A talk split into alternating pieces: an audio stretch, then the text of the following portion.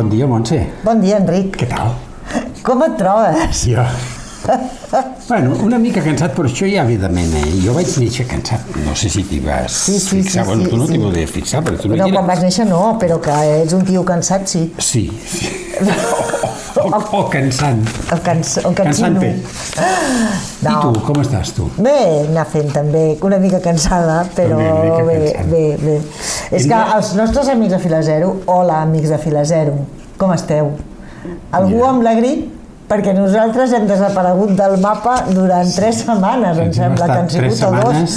uh, aquí, me- aquí caic, aquí m'aixeco. Aquí, aquí, aquí, m'aixeco, hem estat confinats, Hem tot. hem estat graves. Però, no, greus no, però, No, però fets una merda sí, sí, eh? Fets sí, un sí. lliri, Sí, això sí, sí. Però, Però- ara, ara ressuscitem una altra vegada, sí, com, sí. el, com es diu aquell? L'ave fènix, Això. com l'ave fènix. Com l'au fènix De les seves de cendres. les nostres cendres ressorgim plenament enlairats. Vinga, som-hi. No sé si de programa, si no de teatre ja, eh, rotllo. aquestes alçades. Sí, això és de teatre, és de, és amb Maria Guerrero. Exacte. Molt bé, avui portem una cartellera molt curta. Molt bueno, molt curta. Sí, sis pel·lícules. Sis pel·lícules. El que passa és que la primera, per exemple, dura 3 hores. No sé quant. Clar, clar. Ah, No, i portem sis i una d'elles, no sé si la cartellera l'ha canviat per estrenar-la aquesta setmana, o sigui, aquesta nit o la setmana que ve. Nosaltres l'expliquem ara. Si l'estrenen la setmana que ve, Ja estarà explicada. i ja no l'explicarem una altra Ja vegada, estarà perquè si explicada. no aquesta, aquests amics fotran el camp. Això mateix. Perquè diuen, mira, ara tornen i a sobre ens ho repeteixen. Sí, sí, sí. Molt bé, Doncs vinga, comencem per la primera? comencem per la primera, i la primera és la estrella de la setmana, Dune, parte 2.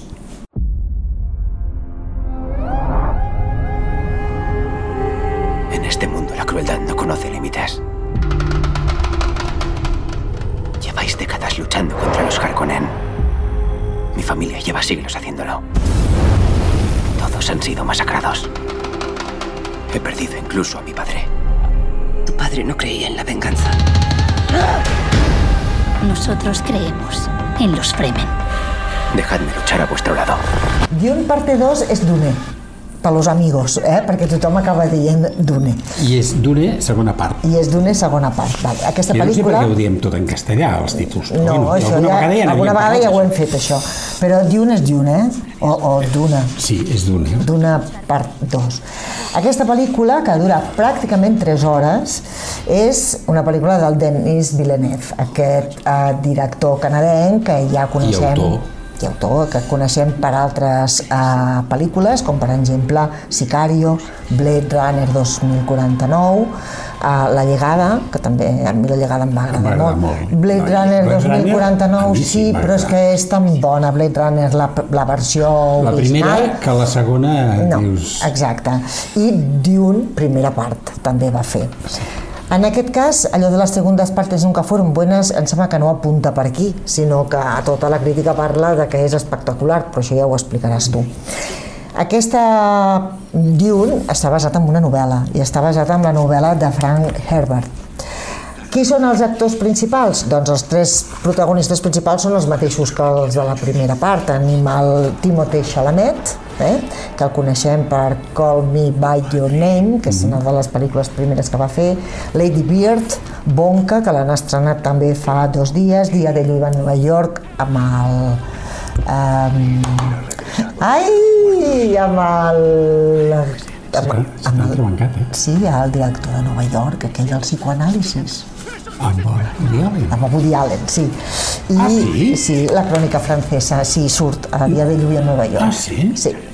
Després tenim a la Zendaya, eh, que aquesta... La Zendaya no n'havia sentit. Jo tampoc, Mai? però tothom parla de la Zendaya, és com com si anés a sopar a casa d'ells. No? I després tenim a la Rebecca Ferguson. Totes dues van participar a pel·lícules com a Gran Showman i la Rebecca Ferguson a Missió Impossible. I després tenim a l'Austin Butler, que és nou en aquesta pel·lícula de Dune, que va ser el protagonista d'Elvis, el que va fer Elvis, la pel·lícula Elvis, Bona que també pel·lícula, eh? boníssima.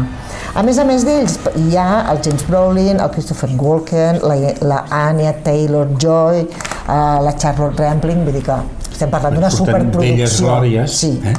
Ah, I bé, la pel·lícula aquesta ara ens explicaràs una mica de què va, tota la nissaga del Dion, però la crítica diu que fa més gran el mite de la seva pròpia creació, per tant és allò, la segona part ja és espectacular. És que Dune ja s'havia fet abans. Home, sí, amb el David Bowie. Sí, i va defraudar. Sí, era una no, pel·lícula... no va triomfar. No. I Em sembla aleshores... que l'única persona que li agradava va ser ma germana. Bueno, perquè, Sortia perquè era el David David Bowie. Bowie. Però eh, podia haver fet Pinocho i los... Eh, sí, i Los siete mentirosos, enanitos, sí. I, I també. I també. Ara, eh, això anava a dir, que el Dune era una pel·lícula que enfrontar-se amb ella Sí. era, era un merder Mm. com a pel·lícula. Sí. Per això va fer dos parts, i a més dos parts que cada part dura, jo què sé, així podria ser una sèrie Sí, sí, sí, sí. de sis capítols Sí, hora. però no? clar, la gràcia és veure-la en pantalla gran. No, no, clar, clar. Bé, doncs aquesta... Ai, perdona. No, i que quan va fer el Dune al Villeneuve, Sí? eh, el que ell va fer és tot el mundillo del cinema va dir, hòstia, hòstia, aquest tio s'està embolicant. Sí, sí, com- com s'atreveix amb perquè això, va no? fracassar i, a més, és un liu, Sí. aquesta pel·lícula. I resulta que es va considerar que era bona, Sí. però que, bueno, faltava la segona part. I ara arriba la segona part i així ha I diu... a bombo i platí. Un espectacle espaterrant, impossible que algú ho pugui fer millor. Una narrativa sòlida i completa. Diu, manté el gran estil visual de la primera part, a la vegada que presta més atenció a la història i a l'argument, o sigui, no és tant ja només s'entreté tant amb- amb- focs amb la d'artifici. Sí. I diu, la superproducció brutal de l'any. Tot això són diverses eh, fragments de diverses crítiques i, per tant, tot i que hem llegit una I crítica... llegit una crítica que que- la deixa per terra. Però jo em sembla que aquest és dels que li mania. Els envejosos, els envejosos. perquè diu que és molt espectacular, que, que eh, hi ha molts mitjans, que estan molt ben utilitzats, que és molt espectacular, però que què vols que et digui? Eh? Són aquells Mucho desmenjats. i poco telerele, no? Sí, però són els desmenjats que Però- sempre n'hi ha.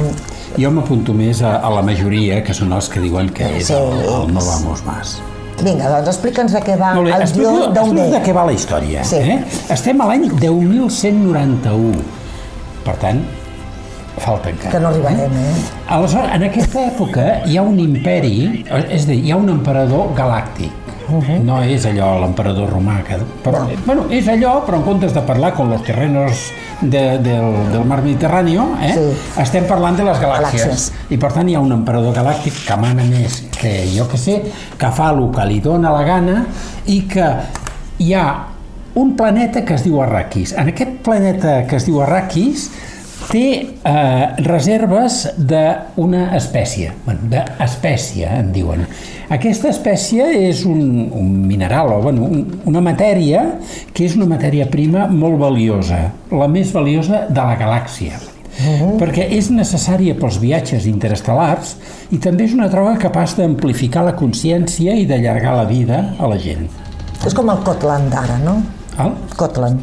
Lo dels mòbils i tot allò, Bueno, les mines, sí, que, sí. què faríem sense... Sí, però és molt més bèstia. Home, clar, perquè si és galàctic, imagina't. Estem al 10.000, imagina't.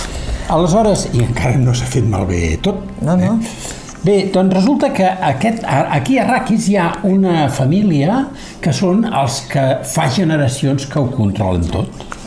I de cop i volta l'emperador envia a una altra família a fer-se càrrec del planeta, amb la qual són ganes de liar-la, perquè tens els que porten mm, generacions manant i de cop i volta arriba un matrimoni amb un nano Que diuen, ara... aquell diu, ara en retireu-vos, que mania. manem nosaltres per ordre de l'emperador.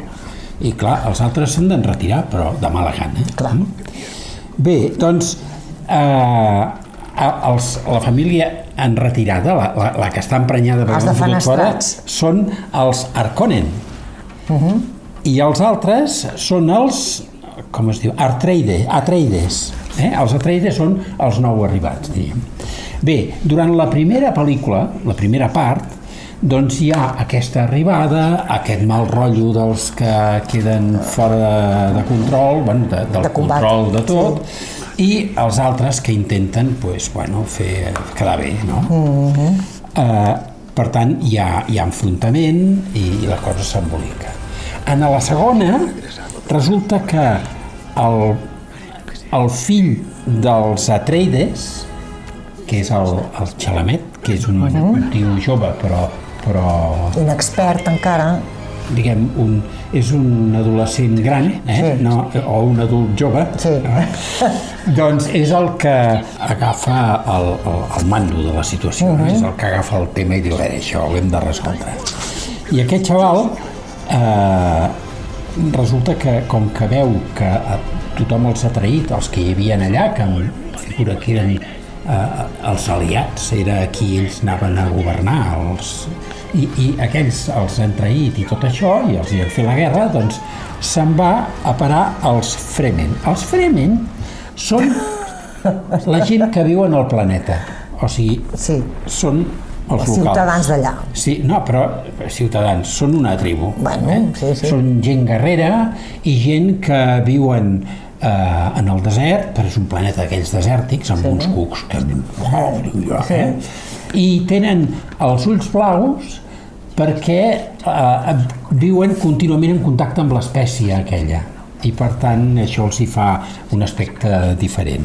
Bé, doncs aquests Fremen eh, resulta que s'hi acosta al, a l'Artreides, al Paul Artreides, que és el protagonista d'aquesta segona part, i es fa amic d'ells i se'ls vol guanyar. I aleshores doncs, aprèn els sistemes de lluita d'ells, conviu amb ells i intenta ser el líder dels Fremen per poder tenir la força per retirar ja d'una vegada els que se'ls han estat oposant des del primer moment. Resulta que, ser, a més, com tots els emperadors, l'emperador sembla que canvia de banda una altra vegada. I arriba un moment que ells s'han d'afrontar a, a, a, a Fremen, tothom. l'emperador i els que s'han defenestrat.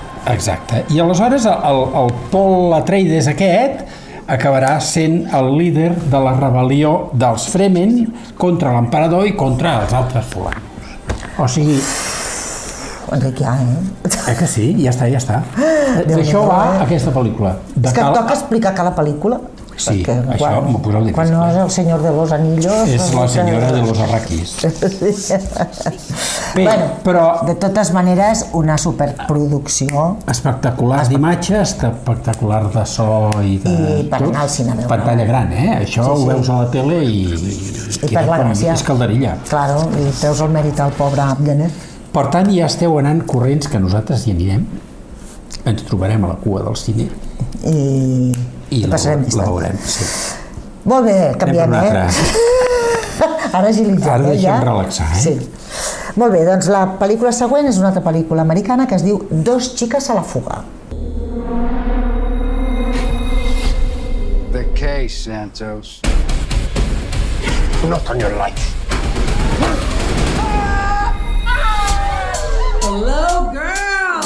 Dos xiques a la fuga és una pel·lícula dirigida per Ethan Cohen, però només l'Ethan Cohen, no és dels germans Cohen. A l'altre Cohen... L'altre Cohen no apareixen aquí. A veure, si mirem les pel·lícules Cohen, hem de parlar de les dels dos germans, per exemple, Fargo, Sí. No és País para Viejos, és Muerte entre les Flores, és El Gran Lebowski, és Valor de Ley, i quedo aquí.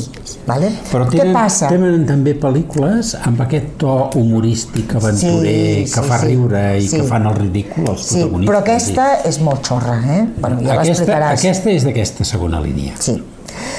Qui és els, les protagonistes? Doncs tenim a la Margaret Qualley, que la Margaret Qualley la van veure a Leftovers, la van veure a l'assistenta, eh, Sí. una, una sèrie que Sí, feia de mare sí. soltera, bueno, de mare amb problemes. Sueños de una escritora de Nueva York, era ser una vez en Hollywood, i Pobres criatures, també va sortir a Pobres criatures.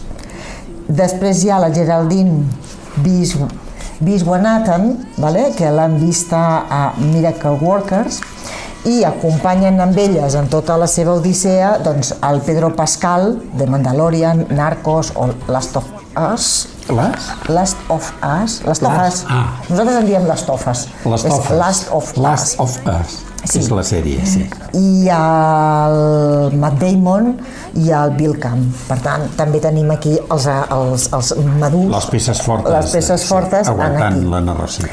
En aquesta pel·lícula, home, diu... això, que hi ha una fissura enorme entre les pel·lícules que fa els germans Cohen i aquesta pel·lícula que fa només l'Ethan Cohen. Aquesta és la primera.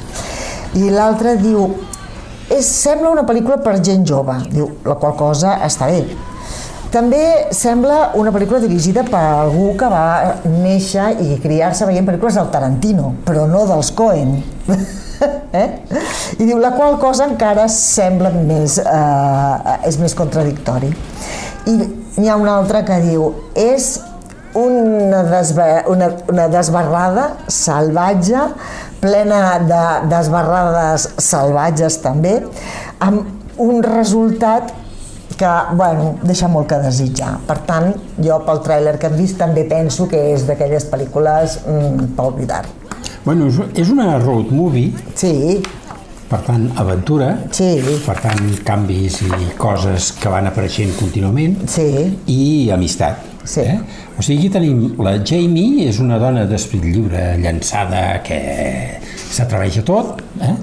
que s'enfronta a la seva darrera ruptura eh, de parella Sí. amb un viatge improvisat a Tallahassee i va amb la seva amiga Marian. L'amiga Marian és una noia més aviat normal, tranquil·la, Sí, més més aviat apocada que no pas, Sí, que no sí. pas llançada. I pel camí recorren bars i troben, entre altres obstàcul, eh, obstacles, el, un cap tallat en una sombrerera, una exnòvia amargada, un malatí misteriós, un senador malvat i un grup de criminals ineptes que els hi compliquen el viatge encara més.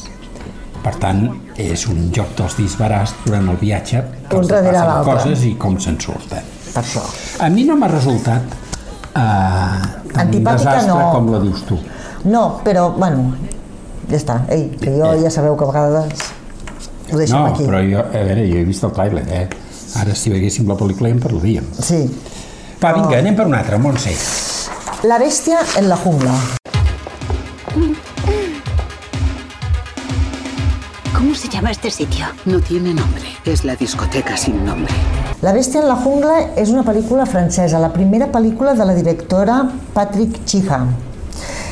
Eh, està basat en una novel·la del Henry James i ja diu la crítica que és una adaptació una mica llarga, però que justament tot el que és la banda sonora és el que li dona el plus a la pel·lícula, sí, eh? sí. perquè tu ja explicaràs on es desenvolupa la pel·lícula i per tant la banda sonora és algo importantíssim.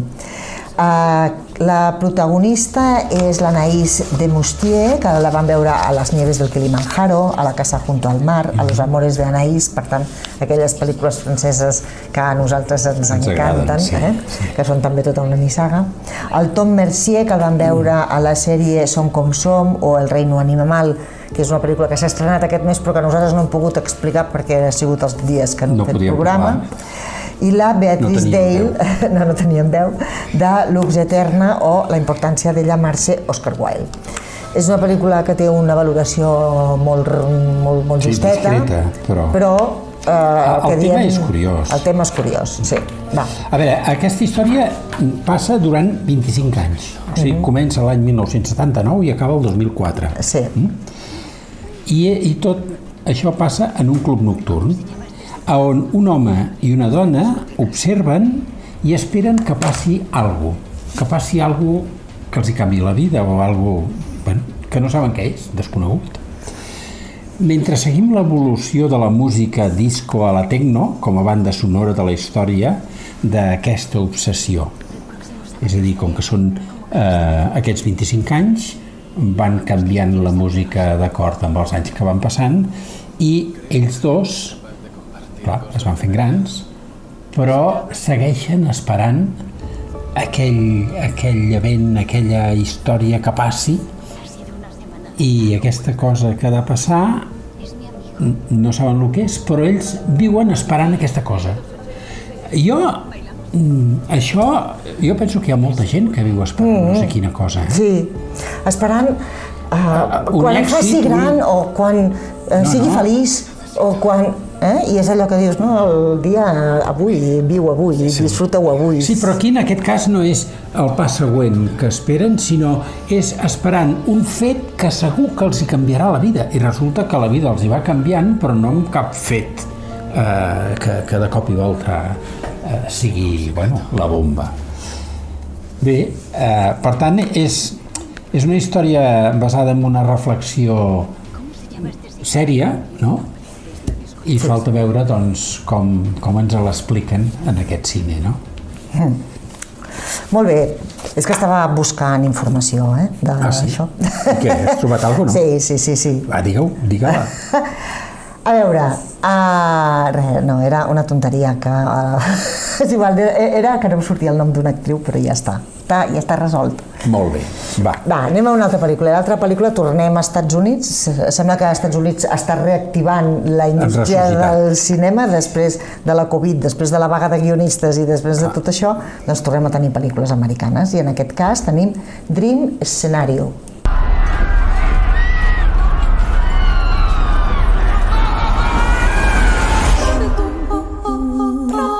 Las cebras tienen ese aspecto? ¿Eh? ¿Atender? ¿Pasaba esto? No, era distinto. Últimamente pienso mucho en ti. Sí. ah, No dejas de salir en mis sueños. No haces nada, solo estás ahí. Dream Scenario és una pel·lícula escrita i dirigida per Christopher Borgley, que és el mateix de Sick of Myself, una pel·lícula que ja van presentar a l'any passat. I té com a protagonista principal Nicolas Cage.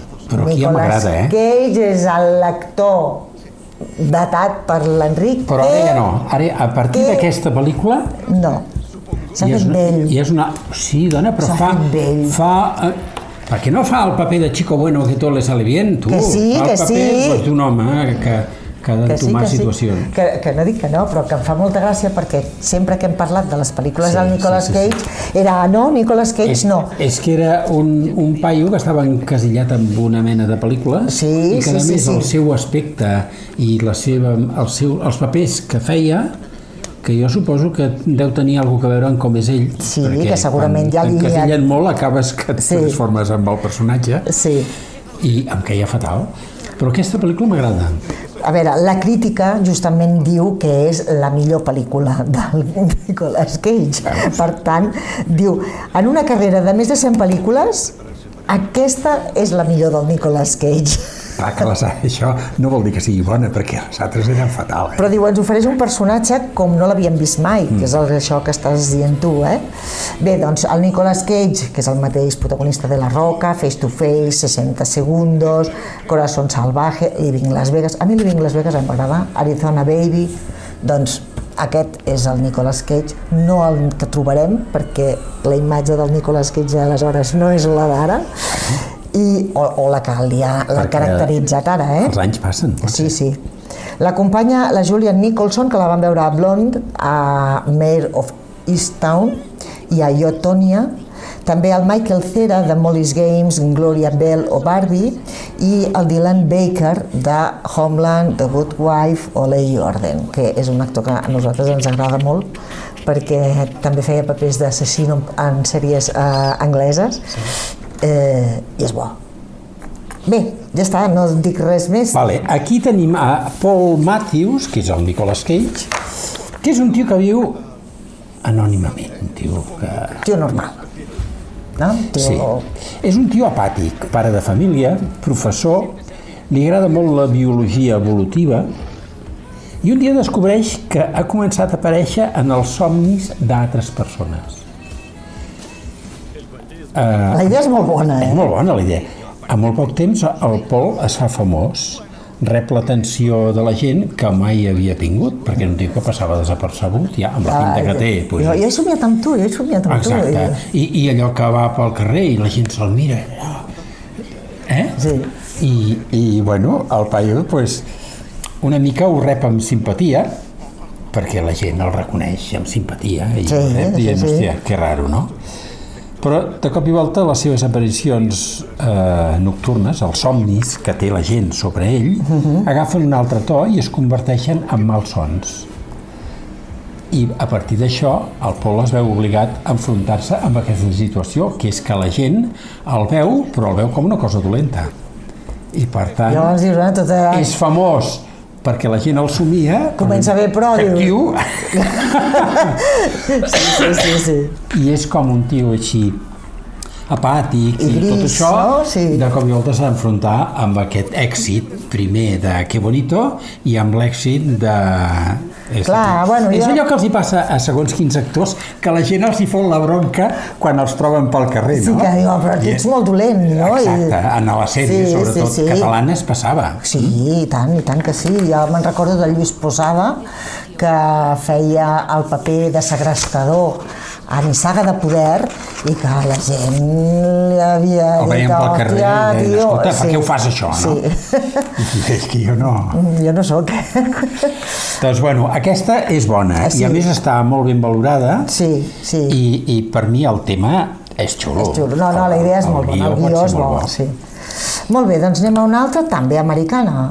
Not a Pretty Picture. I'm wondering, like I came to this film voluntarily. Not a Pretty Picture és una pel·lícula americana, com deia, però és una pel·lícula de l'any 1976 i és una pel·lícula escrita i dirigida per Marta Kutlaich i no és una bonica pel·lícula. Tu ja explicaràs de què va. És una pel·lícula que està feta amb actors mm, no professionals i, per tant, eh, per molt que digui Reed Birney o Jim Carrington o John Ferdinand no ens A porta, casa si els no coneixen, ens això, porta a les hores de sopar. El que sí que diria, perquè la crítica tampoc no en diu res, és la pel·lícula més ben valorada de tota la setmana, llevat del Dune, eh, hi ha un moment del tràiler que diu és una pel·lícula necessària i o sigui, que és una pel·lícula necessària, ho dic jo, però diu, és una pel·lícula que quatre dècades després seguim estant on estàvem. Eh? O sigui, 40 anys després d'aquesta pel·lícula seguim estant on estàvem. I, com que ara explicaràs el tema, ja veurem que, que és així. Molt bé. Aquí, aquesta pel·lícula és... es barreja narrativa, o sigui, mm, guió, Sí?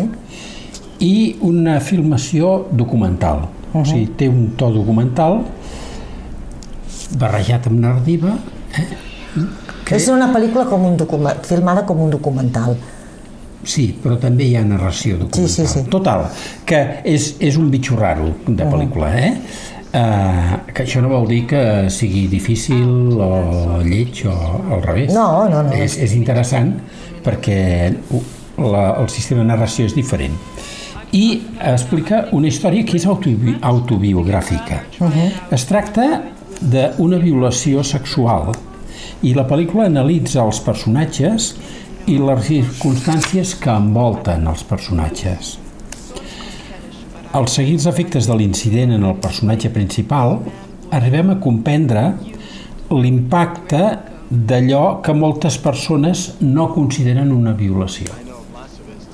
Uh -huh. O sigui, et, et aconsegueix posar-te en el lloc de la víctima davant d'una situació que la majoria de gent diu, bueno, no n'hi ha per tant.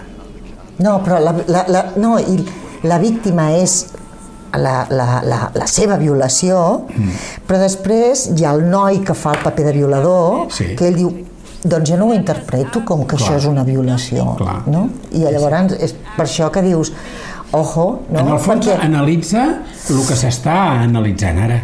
per això L'únic que que això 40 anys abans era, era de fer tota bogeria. aquesta reflexió, això mateix, no? I és veure com impacta tant en la víctima com en l'agressor. Sí, sí. I, i, I això, no?, de gent que viola els nanos que aquesta setmana han agafat els youtubers i que segurament no tenen cap consciència de culpa, el qual encara és més greu, no? Però és una mica el que diu el noi, jo no tenia...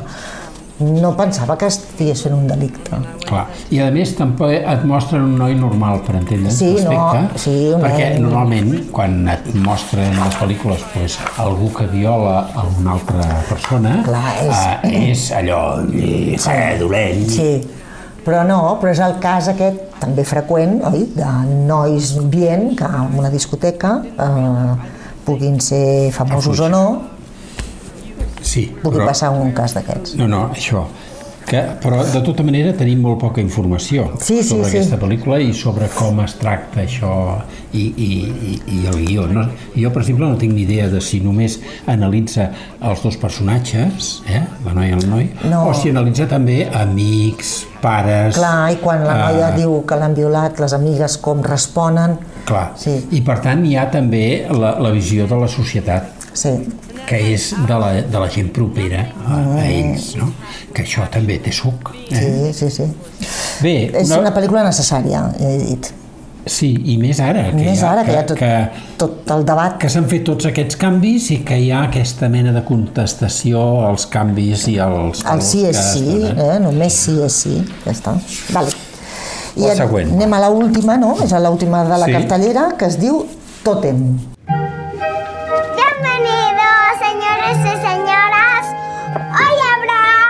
un show para el tío Donald.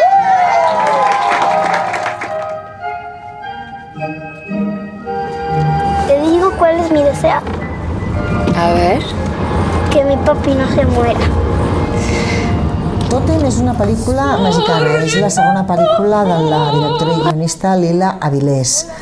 Uh, està interpretada per Nalma Senties, Montserrat Marañón, Marisol Gassé, Teresa Sánchez, però que són també actrius que nosaltres, o almenys eh, nosaltres no, No tenim... coneixem.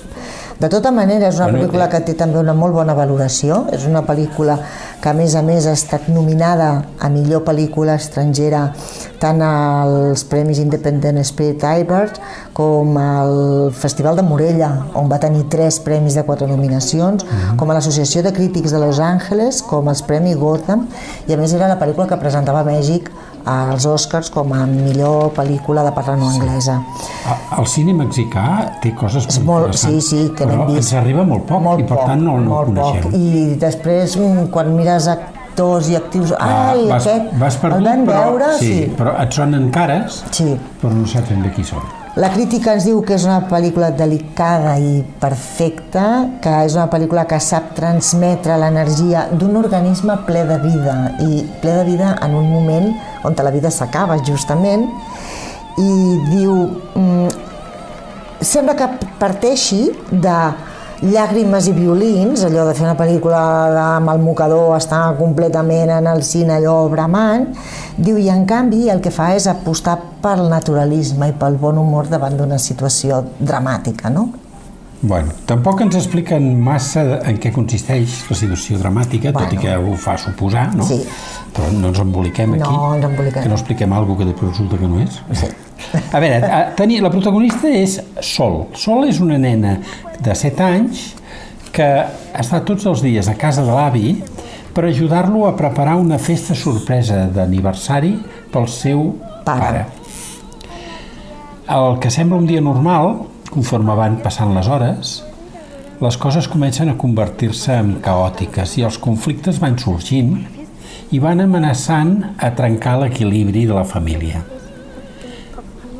A mesura que va passant la pel·lícula, et vas enterant de coses, no? A, a, a per, a, per comentaris del, dels diferents membres de la família, és una família gran, eh? I clar, et vas enterant de, de, de què està passant. Nosaltres no ho sabem del tot, però algo intuïm. I resulta que la nena aquesta de 7 anys, malgrat que té 7 anys només, és la que és capaç de saber anar arreglant la situació a mida que es va embolicant la troca. Sí. Sí, sí, sí, sí. I és, per tant, és aquest, aquest cant a la, a la criatura Sí, a la vida, a la família. que té tota la vida per davant i, Sí. que, i que encara la vida d'aquesta manera. Sí. És, eh, Aquesta té, també té a veure, eh? també una, té una molt bona sensació. Sí, a mi m'ha donat una molt bona sensació. Aquesta ens l'apuntem. Mira, ens apuntem aquesta. El Not a Pretty Picture, Sí. eh? el documental drama... El Dream Scenario Sí, la i, Nicolas i Cage. sobretot El Dion. El Dune, part 2. Dune per dos, exacte. Molt bé. Les noies a la fuga, no, eh? Caseu, no ens hi apuntem. No, no, no, per favor. Jo no, no la vaig veure tan malament no. a partir del... No, del... Enric, fes-me cas. Sí? Fes-me cas. Bueno, va. Sí, no, no. Sí? A lo millor me n'hi vaig jo un rato. Només has Aprofito que te'n vagis al lavabo i m'escapo i vaig. Doncs apa, àni- ànimo, que diuen. Ànimo. Molt bé, amics de Fila Zero, ja tornem a ser aquí, sembla mentida, eh? I esperem tornar la setmana que ve. Sí, sí, per favor, eh? Nosaltres hi contem, el que passa és que no se sap mai. Sí, sí. Però, ei, ei La vida és un frenesí. Tornarem. Sé, tornarem. amenacem amb tornar. Molt bé, a reveure, amics de Fila. Adéu. Fins la setmana que ve. Fins la setmana que ve.